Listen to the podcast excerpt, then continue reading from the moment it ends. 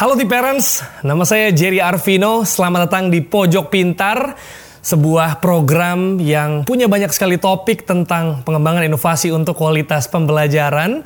Dan hari ini kita akan berbincang, kita akan ngobrol-ngobrol, berbagi cerita tentang orang tua, peran orang tua untuk bisa menjadi sahabat belajar anak. Dan pastinya program hari ini benar-benar menjaga protokol kesehatan dan di era pandemi seperti ini pastinya ada banyak adaptasi yang perlu dilakukan terutama sebagai orang tua dan juga terhadap anak begitu ya.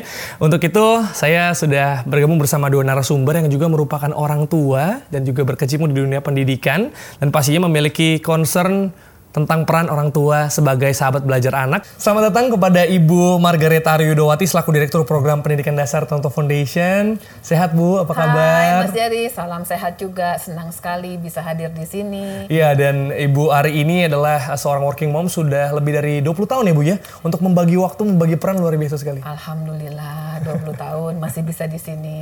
Iya, luar biasa sekali. Pastinya ntar ada cerita-cerita yang akan dibagikan ya Bu ya. Amin, mudah-mudahan bisa berbagi. Senang kok berbagi. Iya, itu dia. Dan satu lagi narasumber kita adalah seorang orang tua juga yang sudah berkecimpung 15 tahun, sekitar 15 tahun di dunia pendidikan dan juga sudah memiliki anak. Beliau adalah FX, Pak FX Banu Resiawan selaku spesialis pendidikan Tanoto Foundation. Selamat datang Pak. Terima kasih Jer. Apa, Apa kabar, Pak? Bagaimana? Segar sekali kayaknya hari ini? Selalu sehat saya. Selalu gitu sehat, ya. Harus menjaga protokol kesehatan gitu Betul ya. sekali. Ya. Dan ini saya pengen uh, nanya sama Bapak Ibu juga. Ini Ya. di era pandemi seperti ini begitu ya, pasti ada banyak adaptasi yang terjadi. Dan pastinya untuk orang tua, ya kan sebagai sahabat belajar anak dan juga anaknya sendiri gitu. Mungkin saya mulai dari Pak Ba- Banu terlebih dahulu ya, Ya. karena anaknya kan katanya masih uh, Usia lebih playgroup kecil gitu ya, ya, lebih pasti kecil lebih ya, betul. challenging Pak. Ya, sangat challenging sekali gitu kan. Ya. Apalagi sebagai katakanlah orang tua yang pertama kali memiliki anak kecil gitu Ya. ya. Adaptasi-adaptasi perlu kita lakukan. Kita Mhm. perlu berbagi bersama dengan pasangan hidup kita. Bagaimana untuk menghandle anak, terutama pernah mengalami setidaknya berapa bulan di playgroup gitu dan akhirnya berlanjut melalui media sosial. Ya. Nah, itulah kita punya peran yang besar gitu ber- berbagi tugas dengan uh, pasangan hidup. Itu dia. Dan salah satu yang membuat saya penasaran juga kalau uh, misalnya anaknya masih kecil kan ya kita udah kebayang gitu Pak ya. Mungkin di pers juga re- relevan, relate gitu. Nah kalau Ibu Ari nih anaknya sudah lebih besar begitu. Adakah challenge sendiri Bu untuk beradaptasi? Kayaknya sih ngurus anak itu challenge terus ya. Selalu ya. Selalu Setiap itu. Terus ya Bu ya? Walaupun sudah besar ya Bu ya? Iya, Iya, tadi iya, iya. dibilang uh, ngurus anak usia dini itu uh, punya tantangan tersendiri. betul. Sama aja. Punya anak remaja mau kuliah ya juga punya tantangan tersendiri ya, Iya, karena iya. fase-fase anak kan juga memiliki karakter sendiri yang memang orang tua harus kreatif ya. Iya. Dan kalau misalnya ini kan, kalau misalnya pandemi seperti ini pastinya challenge-nya sudah kebayang gitu ya. Kalau untuk Bapak mungkin dari bagaimana membuat anak konsentrasi, tetap belajar seperti itu. Mungkin Ibu juga tadi ada struggle. Tapi kalau dari Bapak dan Ibu sendiri melihat apa apa dampak positif yang bisa didapatkan gitu yang biasanya enggak tapi gara-gara pandemi mungkin lebih sering di rumah terus Ibu bisa usia remaja itu usia anak yang unik ya, Mhm. karena buat mereka teman adalah segala-galanya. Oh. Mereka akan dengerin temennya lebih banyak daripada dengerin Orang tua. tuanya. Iya, betul, betul itu. Ya, Seperti saya itu masih ingat ya. ya Mas Banu Betul, waktu ha. saya nganterin anak saya SMP sekolah tuh ya, Ya. Mama jangan turun dari mobil ya, aku Ya. nggak mau kelihatan dianterin sama Mama. Buat mereka reputasi bahwa dekat dengan eh, apa orang tua itu sesuatu yang memalukan buat mereka. Tapi padahal pada usia remaja itu anak justru perlu orang tua. Ya. Nah, masa pandemi ini saya melihatnya sebagai peluang Mhm. bagi orang tua untuk dekat dengan anak. Ya. Mereka punya keterbatasan kan sekarang nggak bisa ketemu dengan anak-anaknya lagi. Mhm. Betul. Ya karena semuanya nggak bisa keluar rumah, Iya. nggak bisa nongkrong bareng, Iya, pulang iya, sekolah iya. nggak ada Iya. lagi gitu kan. Nah justru itu adalah peluang dari uh, orang tua untuk bisa masuk dengan anak. Dan untungnya nih Mas Jerry Iya. dan Mas Banu juga, Iya. kita kerja di Tanoto Foundations ya. Iya, betul. Jadi kita punya banyak akses tuh Betul. terhadap uh, ilmu-ilmu, Mhm, terhadap cara-cara, tips trik bagaimana kita mendekati anak atau berkomunikasi dengan anak. Iya. Saya kira kalau Mas Banu juga kalau dengan anak juga menempatkan diri sebagai Sama. sahabat juga kan? Sama bu. Iya. Cuma ketika anak saya masih kecil gitu ya, Iya. ketika kita menempatkan sebagai sahabat itu, memang memang betul dibutuhkan kreativitas gitu ya, di mana kita menginginkan anak juga belajar. Ya. Tetapi dengan cara yang menyenangkan gitu kan? Dengan cara yang fun bukan dengan cara yang katakanlah cara-cara lama tapi cara yang menyenangkan ya. Betul. anak saya menyukai YouTube itu kan? Biasanya dia melihat lagu-lagu gitu kan? Ada juga yang berbahasa Inggris gitu kan? Nah kita sebagai orang tua itu memang kadang-kadang dituntut kita harus kreatif memanfaatkan apa yang dia dapat lalu kita follow up, kita apa namanya ajak mereka bermain berdasarkan apa yang dia tonton di YouTube, katakanlah lagu tentang berhitung one two three, kita biasanya bermain lompat-lompatan one two three, itu kan belajar berhitung gitu ya. Ikutan berarti Pak ya? Ikutan. Punya peran serta aktif begitu Kurang ya? kreatif, makanya itu sebagai orang tua kita Ya. harus bersedia untuk uh, menjadi sahabat anak gitu ya dengan cara kita masuk ke dunia anak-anak di mana dunia anak-anak penuh dengan permainan yang sangat menyenangkan dan itu juga hal-hal yang perlu kita lakukan sebagai orang tua. Saya cuma mau tanya Mas Banu, saya agak lupa ya. Waktu kalau ngurusin anak yang mudi, anak-anak kan suka ngambek ya. Kalau anak usia dini kan suka ngambek ya. betul, Gitu gimana ya Mas betul. Mas Banu tuh? Nah, saya pengalaman saya begitu ya ketika anak kan biasanya pengennya dituruti maunya gitu ya. Di satu sisi kita harus tahu juga sebagai orang tua bahwa ada yang memang harus diikuti, ada yang tidak. Nah, di sinilah sebenarnya orang tua berperan sebagai sahabat anak gitu kan. Iya. Kita menyiapkan berbagai macam alternatif kegiatan yang kira-kira ketika anak tidak mau, kita alihkan kegiatan yang lain. Itu biasanya seperti itu.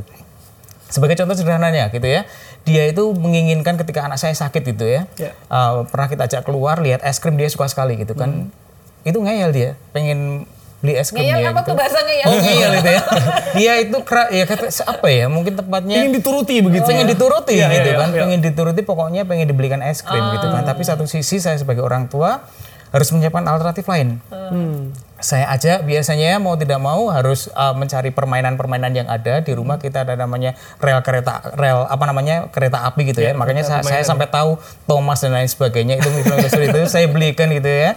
Saya ajak ke arah bermain di situ. Tapi saya sebenarnya tertarik kalau bapak kan anak uh, kecil ya bisa dibilang lebih kecil gitu bisa Ya. dialihkan seperti ini. Ini Ya. lebih challenging sebenarnya Ibu Ari dengan anaknya yang sudah mungkin beranjak remaja begitu, apalagi uh, mereka tuh kayak, aduh mama jangan ikutan deh gitu ya. Bagaimana ibu bisa masuk ke um, untuk bisa menjadi aktif dengan uh, kegiatan anak ibu? mendidik anak itu kan bukan tiba-tiba saya didik anak saya remaja gitu kan ya. Ya, ya. Artinya proses mendidik anak itu kan dari sejak dia bahkan dari kandungan gitu ya sampai sekarang. Eh makanya nih Tanoto Foundation programnya kan selalu dari anak usia dini Ya. sampai nanti berkarya gitu Ya, ya. Nah, itu memang karena mendidik anak bukan suatu spektrum satu tahun dua tahun tetapi betul-betul panjang. Ya, nah, apa panjang, yang saya nikmati sekarang pada saat eh, ya situasi pandemi, anak-anak di rumah dan mereka punya keinginan-keinginan yang nggak bisa tersalurkan karena nggak ada temennya gitu ya.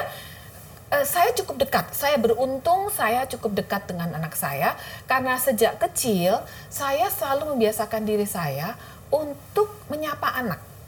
Saya tuh travel tuh bisa seminggu nanti nggak ketemu anak seminggu terus nanti ketemunya tuh mungkin eh, cuma sebentar karena mau angkat koper lagi Iya, gitu ya. iya. Tapi saya selalu upayakan bahwa eh, pulang dari mana pun saya peluk anak saya. Hmm. Saya sapa anak saya dan itu sampai sekarang. Jadi Mas Jadi kalau ngelihat ya, saya punya WhatsApp grup family gitu keluarga itu emoticon hati banyak banget Oh, gitu. stiker-stiker lucu hati gitu. anak ya karena Iya, iya, saya iya. udah dari kecil saya biasakan untuk berkomunikasi, menyapa anak, memeluk anak. Tapi kan kembali lagi orang tua harus kreatif Mhm, ya. Jadi bagaimana saya tahu dia punya aktivitas eh, ini ya karena saya secara fisik melihat dia Mhm. dan kemudian saya juga mem- eh, membina hubungan misalnya saya lagi istirahat karena Mhm. eh, kerja seharian di rumah bikin teh nih misalnya. Ya. Waktu bikin teh saya tanya, Mas mau nggak? Mama lagi bikin teh nih. Oh mau mah. Nah Oh, hal-hal oke. yang seperti itu Interaksi ya, Bu, interaksi. ya? Iya. Jadi dia nyaman, saya juga nyaman gitu ya. Kalau Pak Banu sendiri gimana Pak? Eh, kalau masuk kegiatan tadi kan berarti em, seperti main bersama gitu ya, bahkan niru-niru loncat-loncat segala macam gitu Pak ya? Ya, ya, ya, ya, betul. Jadi kalau untuk anak saya ini memang anak remaja pun membutuhkan apa namanya sentuhan fisik juga ya, Iya. apalagi anak yang masih apa namanya usia dini ya. Iya. Kita punya kebiasaan bahwa memang harus memberikan sentuhan kepada anak gitu ya, menggandengnya, terus memeluknya juga, kadang-kadang menggendong juga gitu kan, itu dibutuhkan oleh mereka ya. Iya. Uh, dan itu juga juga dibutuhkan oleh orang tua juga gitu kan untuk membuat semacam kedekatan emosional gitu ya, ya bahwa ya. dengan sentuhan dan lain fisik itu dia ya. uh, tentu anak bisa merasakan juga dan orang tua juga bisa merasakan juga ya. Terus untuk aktivitas-aktivitasnya pun kita juga harus mau tidak mau harus mengenal anak gitu kan. Kita merubah mentransformasi diri kita menjadi orang tua yang humanis ya. ya. ya. Yang humanis itu yang artinya kita mau mengenal anak dan kita punya kemampuan untuk mengenal anak. Itu dia. Ya, berarti, seperti itu. Ya, kalau misalnya berarti bapak dan ibu berkata kalau misalnya ingin menjadi orang tua yang memiliki uh, peran aktif sebagai sahabat belajar anak itu nggak melulu belajar pelajaran begitu ya, oh, iya. tapi juga belajar tentang bagaimana bisa membangun interaksi yang baik dengan anak ya, seperti betul itu. Betul sekali betul itu. Banget. Nanti betul. deh Mas Jerry kalau udah punya anak rasain ya. tapi Saya dapat bocoran ini sekarang. tapi iya, iya, yang iya. menarik gini ya, mm -hmm. ngomong sama anak itu jangan cuma ngomongin pelajaran. Mm -hmm. ya ngomongin hal-hal yang yang yang enteng-enteng juga nggak apa-apa mm -hmm. gitu ya. Misalnya saya lagi baca koran, mm -hmm. terus eh, anak-anak saya udah nggak baca koran ya. Baca koran. Mereka bacanya pakai digital ya. ya. Gitu. Tapi saya masih baca koran. Okay. Nanti begitu ada berita, saya selalu, eh mas, ini ada berita bagus nih. Ini kasihan ya, ada bencana di sini. Hmm. Jadi anak itu diskusi ya bu ya. Diskusi, iya. nggak usah nanya, eh kamu tadi sekolahnya gimana gitu. Yeah, yeah. Mereka kadang-kadang merasa intimidatif tuh kalau yeah, yang kayak yeah, gitu. Yeah. Jadi lebih suka mereka ditanyain atau kita cari pembicaraan. Mm -hmm. Saya kira kalau mendidik anak itu kayaknya di mana aja, mau mm -hmm. usia apa aja, kok saya berpendapat komunikasi itu yeah jalan utama. Komunikasi bukan yeah. cuma komunikasi ngomong ya, Mas yeah, Banu ya. Tadi Mas Banu hmm, bilang udah kasih colong gendong. Saya yeah. udah gak kuat gendong sih ya. Tapi Dan dia nggak mau digendong masih anak ibu nggak mau ya. ya pastinya. yeah, Tapi yeah, artinya, artinya anak perlu both verbal and non verbal yeah. gitu dan mm-hmm. kadang nggak terucap ya. nggak yeah. terucap kadang-kadang anak tuh pengen ngomong tapi nggak tahu caranya gimana mm-hmm. kayak anak saya remaja nggak seneng kan kalau dekat-dekat sama mamanya tapi saya percaya bahwa mereka butuh kita hmm. mereka butuh dibimbing cuma nggak tahu caranya hmm. jadi kita yang jadi orang tua ya uh, ngalah lah, udah yeah. ya iya. kita yang ini ya. Toh memang anak itu kan tanggung jawab yang diberikan Tuhan kepada kita ya. Betul. ya. Jadi ya sudah selayaknya dan sewajarnya kalau kita yang proaktif. Jadi dengan gaya komunikasi mereka Betul. gitu ya. Disesuaikan ya Pak Betul. ya pasti ya. Betul. Jadi memang orang tua itu harus punya katakanlah kepekaan. Ya. Kepekaan hmm. terhadap ya, betul, apa setuju. yang dirasakan anak gitu ya. Hmm. Sebagai contoh kalau di rumah biasanya hmm. anak saya itu ya mungkin mencari-cari perhatian gitu kan. Hmm. Ketika berhasil melakukan sesuatu, membuat apa namanya menara dari Lego itu sebenarnya ini apa gitu ya, ya itu. itu, itu biasanya kita iya. diberi saya berikan semacam pujian gitu ya. Pujiannya hmm. orang dewasa pun diberi pujian senang apalagi anak-anak gitu nah. kan. Nah, setidaknya tepuk tangan hebat itu dia sudah merasakan apa ya pride-nya untuk yeah, yeah, diri yeah. dia sendiri gitu ya. Nah tadi udah seru sekali Bu ngomong soal orang tua dan anak, bagaimana orang tua menjadi uh, sahabat belajar anak gitu ya. Tapi kalau di Tanoto Foundation sendiri, ada nggak sih sebenarnya program untuk membantu orang tua? Di Tanoto Foundation, semua programnya itu mm -hmm. menyentuh semua level uh, kehidupan manusia. Ya. Tadi uh, saya sudah sempat singgung sedikit, kita punya program anak usia dini, mm -hmm. kita punya program untuk anak-anak yang masih di pendidikan dasar, mm -hmm. SD, ya, SMP, kemudian ada juga program bagi mereka yang siap untuk berkarya, yeah. program teladan namanya, atau yang pendidikan dasar namanya Pintar, yang hari ini pojok yeah. Pintar ini, ini yeah. dengan program pendidikan dasar dan yang uh, tadi uh, program pendidik, uh, usia, pendidikan anak usia dini atau program sigap. Nah, kalau program pintar kita kan sesuai dengan namanya pengembangan inovasi untuk peningkatan kualitas belajar. Mm -hmm. Nah, ini kita memang fokusnya bagaimana kita bisa membantu satu mm. orang tua, mm -hmm. dua kepala sekolah, tiga guru dan pemerintah setempat untuk yeah. bisa meningkatkan kualitas pendidikan. Yeah. Nah, menariknya pandemi ini justru mendorong Tanoto Foundations untuk lebih intensif lagi meningkatkan baik menunya, baik cara-caranya hmm. untuk bisa menolong orang tua untuk bersama-sama dengan anak melewati masa pandemi ini. Kapan orang tua sempat, yeah. silahkan mengakses informasi yang ada di Tanoto Foundations. Mm -hmm. Tanoto Foundations adalah organisasi yang dinamis ya. Mm -hmm. Dulu waktu sebelum pandemi, kita dorong orang tua untuk aktif mendukung upaya meningkatkan hasil belajar anak yeah. ya prestasi anak gitu ya dengan aktif di sekolah ya mm-hmm. terlibat kadang-kadang ada orang tua mengajar mm, atau yeah. orang tua bersama dengan anak ekskul gitu ya dilibatkan langsung dilibatkan bu, ya? langsung yeah. nah sekarang memang karena kondisinya seperti ini kita berubah juga. Sekarang bagaimana orang tua bisa mendukung anak belajar di rumah. Ya, itu dia karena Toronto Foundation ya. pasti mengerti ya yang menjadi uh, problem gitu apalagi sekarang harus beradaptasi dengan situasi gitu kan. Ya. Jadi biar lebih kalau kata anak sekarang relate gitu ya, ya lebih relevan ya, ya, dan betul. ini sesama orang tua nih ya. disediakan lah program-program untuk bisa membantu karena tadi seperti yang ya. Bapak bilang nggak ada nih sekolahnya jadi orang tua gitu ya. Yeah. Tapi dengan hmm. uh, pengalaman yang sudah sekian lama berkecimpung di dunia pendidikan, pastinya Naruto Foundation mengerti bagaimana untuk um, memberikan program yang sesuai dengan kebutuhan orang tua ya. Iya, iya, ya, betul. Tapi kalau untuk merangkum nih Bu, untuk terakhir, mereka saran untuk di parents untuk orang tua untuk benar-benar bisa memiliki peran serta aktif menjadi sahabat belajar anak pengalaman saya aja ya iya. komunikasi yeah. ya nggak ada lagi yeah. tadi dari yeah. tadi komunikasi yeah. uh, sering-sering ngobrol sama anak yeah. ya dan sering-sering kunjungi websitenya Tanoto Foundation.